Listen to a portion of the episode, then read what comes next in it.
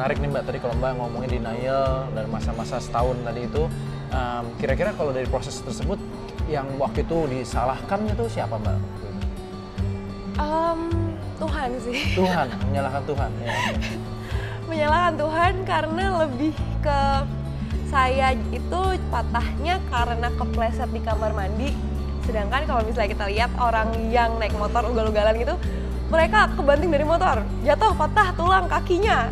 Habis itu sebulan udah jalan lagi balik. Hmm. Terus aku tuh kayak hmm, apa up dosa apa yang aku lakukan sehingga aku kepleset aja sampai kayak gini Hmm, gitu. hmm, Jadi lebih em, marah dengan keadaan dan marah dengan Tuhan.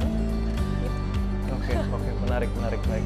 Nah setelah dari situ, memang um, yang membantu Mbak Dinda sendiri untuk bisa move on gitu istilahnya apa kira-kira Mbak? Em, ngelihat orang lain sih. Jadi aku waktu itu uh, diajak kan, diajak untuk gabung ke dunia paralimpik. Hmm, hmm, Obviously, being denial, hmm. Aku nggak mau. masih Iya. awal-awal Iya. gitu ya. aku nggak mau kayak saya bukan difabel, saya masih bisa sembuh gitu pertamanya. Terus em, aku nyoba nyoba datang latihan sekali, terus em, nangis waktu itu, Hmm. datang nangis. Aku bukan difabel, aku nggak mau latihan gitu. Terus em, tapi di sana tuh aku mungkin tergerak juga ya, karena aku ngelihat banyak banget orang yang em, mereka tuh keadaannya lebih menyedihkan Hmm. dari aku. Jadi mereka banyak yang ke sana karena dibuang orang tuanya, Hmm, ke sana em, karena mereka itu di- diharapkan untuk menjadi tulang punggung keluarga dengan kondisi difabelnya itu menjadi atlet.